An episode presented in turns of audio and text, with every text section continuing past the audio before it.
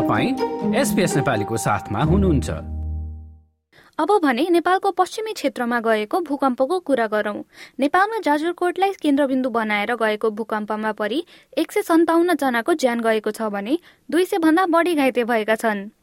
त्यसपछि पनि भूकम्पका पराकम्पहरू जाने क्रम रहेकाले अझै बढी घरहरू भत्किएका छन् र अहिले त्यहाँको अवस्था कस्तो छ र त्यसमा उद्धार कार्य कस्तो भइरहेको छ भन्ने बारेमा हामीले नेपालका केही पत्रकारहरूसँग कुराकानी गरेका थियौं।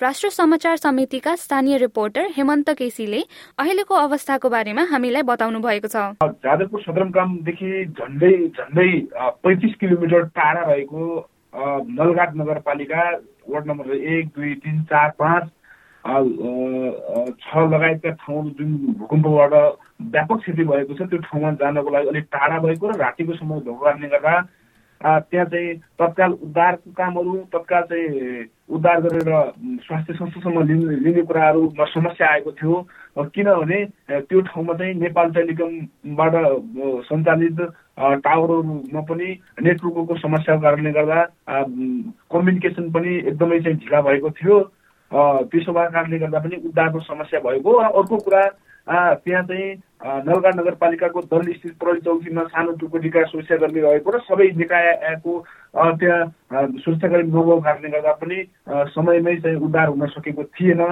त्यसो अर्को कुरा चाहिँ के हो भने नलगा नगरपालिकाबाट जुन ठाउँमा घटनाहरू नगरपालिका केन्द्र दलीबाट जुन ठाउँमा अहिले घटना घटिराखेको अवस्था छ त्यो ठाउँमा जानको लागि कच्ची बाटो छ। कच्ची बाटोमा राति राति कच्ची बाटोमा अब जान र आउन पनि मुस्किल हुने र यो भर्खरै दसैँमा मात्रै खुलिएका कच्चा कच्ची बाटोको कारणले गर्दा पनि अर्को समस्या आएको थियो र रातिको समयमा सबै ठाउँमा यातायातको सहज पहुँच नहुनु र यदि त्यहाँबाट उद्धार गरेर लिएपछि पनि प्राथमिक उपचार गर्नको लागि अन्य उपचार गर्नको लागि नलगाट नगरपालिकाको दल्ली स्थित पन्ध्र सयको निर्माणाधीन हस्पिटलमा पर्याप्त मात्रामा स्वास्थ्य कर्मी नहुनु उपकरण नहुनु उसले पनि अर्को समस्या ल्याएको थियो र रातिको समय भएको कारणले गर्दा त्यहाँबाट सुविधा सम्पन्न अस्पतालसम्म लिनको लागि झन्डै धेरै घन्टा त्यहाँका स्थानीय पीडितहरूले पर्खिनु पर्ने भएको कारणले गर्दा यो डिजास्टरमा धेरै मानिसहरूको चाहिँ नलगाट नगरपालिकामा चाहिँ मृत्यु भएको थियो।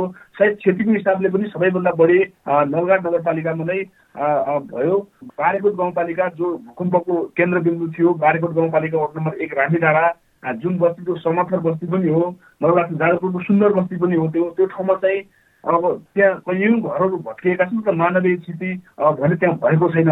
त्यो किनभने त्यो अलिक अग्लो ठाउँ पनि भएको छ र त्यो अलिक सेपेर रहेको बस्ती छ त्यो कारणले गर्दा पनि कम क्षति भएको कि भन्ने लाग्छ। अर्को कुरा हामीले भुल्नै नहुने र बोल्न बिर्सिनै नहुने कुरा चाहिँ के हो भने हाम्रा निर्माण गरिएका अधिकांश संरचनाहरू पुरानो शैलीका छन् परम्परावादी शैलीका घरहरू भएको कारणले ती अधिकांश भत्किए भत्किएका छन् र त्यो घरमा बसोबास गर्ने सर्वसाधारणहरू रातिको समय भएको गर्दा पनि चिया पिएर र बेद भएको छ अथवा मृत्यु भएको छ र घाइते हुनुभएको छ हामीले घर निर्माण गर्दाखेरि भूकम्प प्रतिकूल घर निर्माण गर्नुपर्छ भन्ने कुरा हाम्रा गाउँघरमा जाजरकोटका कुना कन्दरामा त्यो कुरा सिकाइएको छैन अथवा जानकारी गराइएको छैन। यसै गरी उहाँले उद्धार कार्यमा किन ढिलाइ भइरहेको छ भन्ने बारेमा पनि हामीसँग कुरा गर्नु भएको छ। खास गरिकन सदरमुकाम एरिया अथवा जाजरकोटको भेरी नगरपालिका जो जाजरकोटको सबैभन्दा पुरानो नगरपालिका पनि हो यो ठाउँमा भूकम्प पीडितहरू जो घरमा दिन हुनुभएको छ घर चर्किएर ठाउँ ठाउँमा चाहिँ दरा परेर भित्र घरमा बस्नै नमिल्ने जो सर्वसाधारण उहाँहरू चाहिँ सडकको छेउछाउमा पालहरू टाँकेर त्यही पालभित्र अस्थायी टगरामा ट्रेन रोडमा बसिरहनु भएको छ र त्योबाट बचेका अथवा त्यो सडकको छेउछाउमा चाहिँ नअटेर बाहिर बस्नुपर्ने जो सर्वसाधारण हुन्छ उहाँलाई सशस्त्र प्रहरी बलले त्रिभुवन माविको प्राङ्गणमा टेन्ट बनाएर त्यो ठाउँमा चाहिँ सुरक्षित रूपमा चाहिँ बस्ने व्यवस्था मिलाएको छ। सदरमुकामको हकमा चाहिँ वडा नम्बर तिन र चारको हकमा त्यो हो भने सदरमुकाम भएको भेरी नगरपालिका वार्ड नम्बर एकमा चाहिँ बल्ल हिजो मात्रै चाहिँ त्यहाँ पालहरू पुर्याइएको छ सरकारी निकायबाट चाहिँ हिजो पुर्याइएको छ र त्यो उनीहरूले चाहिँ घरको बाहिर खुला आकाशमा चाहिँ पालहरू टाँगेर उहाँहरूले चाहिँ त्यहाँ रात कटाइराखेको अवस्था छ भने नलघाट नगरपालिकाको वडा नम्बर एक र दुईका केही ठाउँमा सामान्य ठाउँमा मात्रै सीमित लिमिटेसन ठाउँमा मात्रै त्यो रात स्वरूप पालहरू चाहिँ पुर्याइएको छ र अधिकांश ठाउँमा चाहिँ त्यहाँ पालहरू पुगेको सकेको छैन। त्यस्तै नलघाट वडा नम्बर पाँचमा पनि धेरै ठाउँमा चाहिँ पाल पुगेको छैन भनेर भर्खर मात्रै त्यहाँको स्थानीय सोभिता विश्वकर्माले मलाई चाहिँ फोन गरेर जानकारी गराउनु भएको थियो। तपाईँले के पहल गरिदिनु पऱ्यो भनेर मलाई अगाडि फोन गर्नुभएको थियो उहाँले। म पनि हिजो चाहिँ स्थलगत रूपमा चाहिँ अध्ययन म आफै पनि गएको थिएँ। त्यो रात वितरण प्रक्रिया पनि शैली कस्तो छ भने त्यो पीडितलाई मात्रै दिनुपर्ने हो त्यो तथ्याङ्क सङ्कलन गरेर पीडितलाई दिनुपर्ने हो। तर यहाँ चाहिँ अहिले सबैलाई चाहिँ त्यो जो जो आउँछ उसलाई मात्रै दिने आफू निकटको मान्छेलाई दिएर समस्या बनाएको त्यो नगरपालिकाको कर्मचारीलाई चाहिँ खटाएर नगरपालिका कर्मचारीले भेरिफिकेसन गरेर फाइनल गरेको रेकर्ड लिस्टको आधारमा दिनु पर्यो तर यहाँ सङ्घ संस्थाहरू आफ्नो निकटको चाहिँ मान्छेहरू समातेर लिएर चाहिँ गएर नगरपालिकाबाट इन्ट्री गराएर अथवा दाखिला गराएर अनि आफू अनुकूलको तरिकाले चाहिँ राहत वितरण प्रणालीमा जाँदाखेरि यहाँ चाहिँ अलि पाउनेले पाउनै पर्ने नपाउने नपाउनु पर्नेले चाहिँ पाउने अझ त डबल पाउने अवस्था त्यहाँ आएको छ।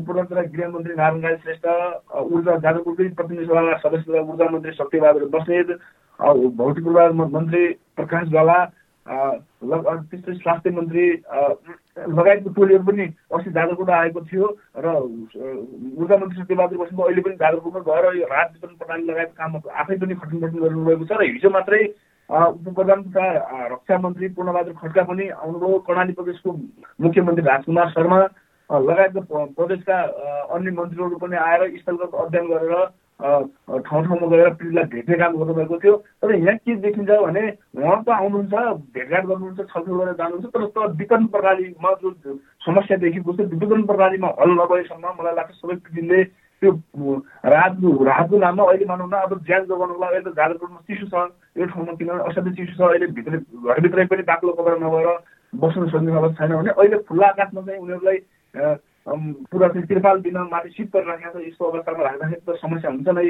त्यहाँका चाहिँ सबैभन्दा बढी समस्या बालबालिका गर्भवती महिलाहरू त्यसपछि वृद्धहरूलाई चाहिँ बढी चाहिँ समस्या देखिएको छ यसै गरी हामीले अर्का पत्रकार दुर्गा रोकायासँग पनि कुरा गरेका छौँ। र पत्रकार रोकायाले यस भूकम्पले सबैभन्दा बढी क्षति कहाँ पुर्याएको छ र अहिले कुन कुन निकायले राहत वितरण गरिरहेको छ भन्ने बारेमा बताउनु भएको छ।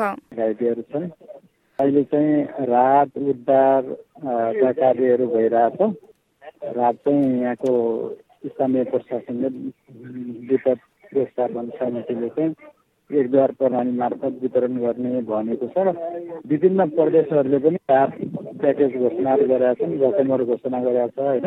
दार्जिलिङ निकायदेखि विकास सहयोगदार संस्थाहरूबाट राहतहरू आइरहेछ। अब अहिले हामी रुकुमको आर्बिसकोट नगरपालिकामा पनि गएका थियौँ। त्यहाँ लगायतका पीडितहरूसँग कुरा गर्दाखेरि अहिले आज हजुरको तिन चार दिन कति भइसक्यो। त्यो हुँदा पनि अहिलेसम्म पनि प्रारम्भिक चरणको राहत पनि प्राप्त गर्न सकेका छैन पीडितहरूको चाहिँ अब अधिकांश यहाँ तिन हजार पाँच सय जति घरहरूमा क्षति भएको भन्ने प्रारम्भिक आकलन छ क्षतिको विवरणको सङ्कलन हुँदैछ किनभने सरकारी कार्यालय विद्यालयहरू पनि परेका होला होइन? घर भत्किएको त्यसपछि गएर त्यहाँबाट उद्धार मात्रै भएको छ। अहिले पशु चौपायाको समेत उद्धार भइसकेको छैन। त्यो अवस्था छ। गत शुक्रबार राति उक्त स्थानमै केन्द्रबिन्दु भएको छ दशमलव चार म्याग्निट्युडको भूकम्प गएको थियो। राष्ट्र भूकम्प मापन तथा अनुसन्धान केन्द्रका अनुसार उक्त क्षेत्रमा शुक्रबारको भूकम्पपछि तीन सयवटा भन्दा बढी पराकम्पहरू गइसकेका छन्। यो जस्तै अन्य प्रस्तुति सुन्न चाहनुहुन्छ? एप्पल पोडकास्ट गुगल पोडकास्ट स्पोटिफाईमा हामीलाई खोज्नुहोस् वा तपाईँले पोडकास्ट सुन्ने अन्य सेवामा।